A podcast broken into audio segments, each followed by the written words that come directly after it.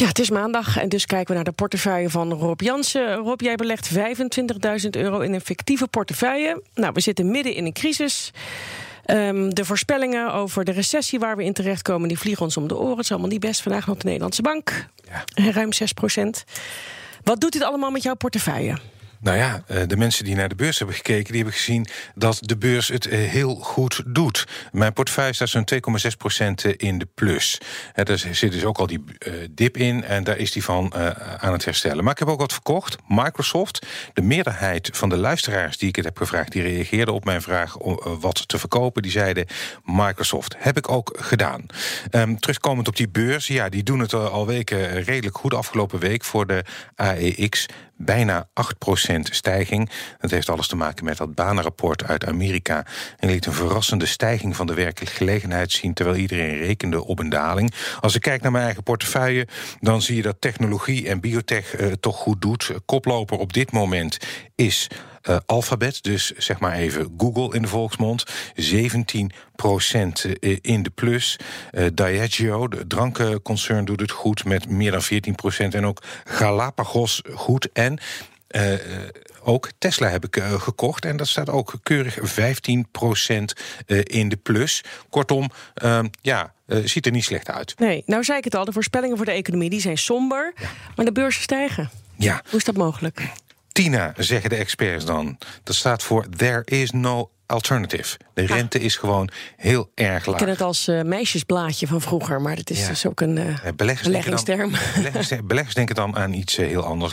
lage rente bijvoorbeeld. Luister maar even naar wat Lucas Daalder van BlackRock... daar afgelopen vrijdag over zei in Beurswatch. Mensen hebben geen alternatief. rendement krijg je niet meer. Ehm, dus, dus aandelen lijken op dat moment wel interessant. En als dan ook nog het nieuws, de nieuwsflow over het virus... over de lockdown allemaal positief is... ja, dan snap ik dat die beurs ook nog wel omhoog wil. Ja, hij voegde er wel meteen aan toe dat over de duurzaamheid van die uh, sterke beurzen weinig te zeggen is.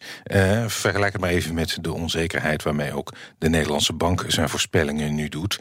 Uh, het feit is dat de centrale banken heel veel geld in het systeem pompen. Dat speelt hier ook een rol. Dat geld lijkt vooral in de financiële markten te hangen. Dus een recessie in de reële economie, maar hoogconjunctuur op de beurzen. Uh, maar als gezegd, uh, hoe lang het duurt, niemand die het weet. Nee, waar ga je nu in beleggen? Ja, dat is een uh, best wel lastige vraag. Um, ik zei al dat in mijn portefeuille biotech en technologie het goed doen. Um, heb ik zelf een voorkeur voor voedingsbedrijven en drank. Vind ik altijd wel interessant. En Zijn die nou juist nu niet heel duur? Want die doen het goed toch tijdens de crisis? Ja, maar in een crisis zie je ook wel dat beleggers eh, naast de technologie, die profiteren heel erg van uh, dat thuiswerken en thuiswinkelen.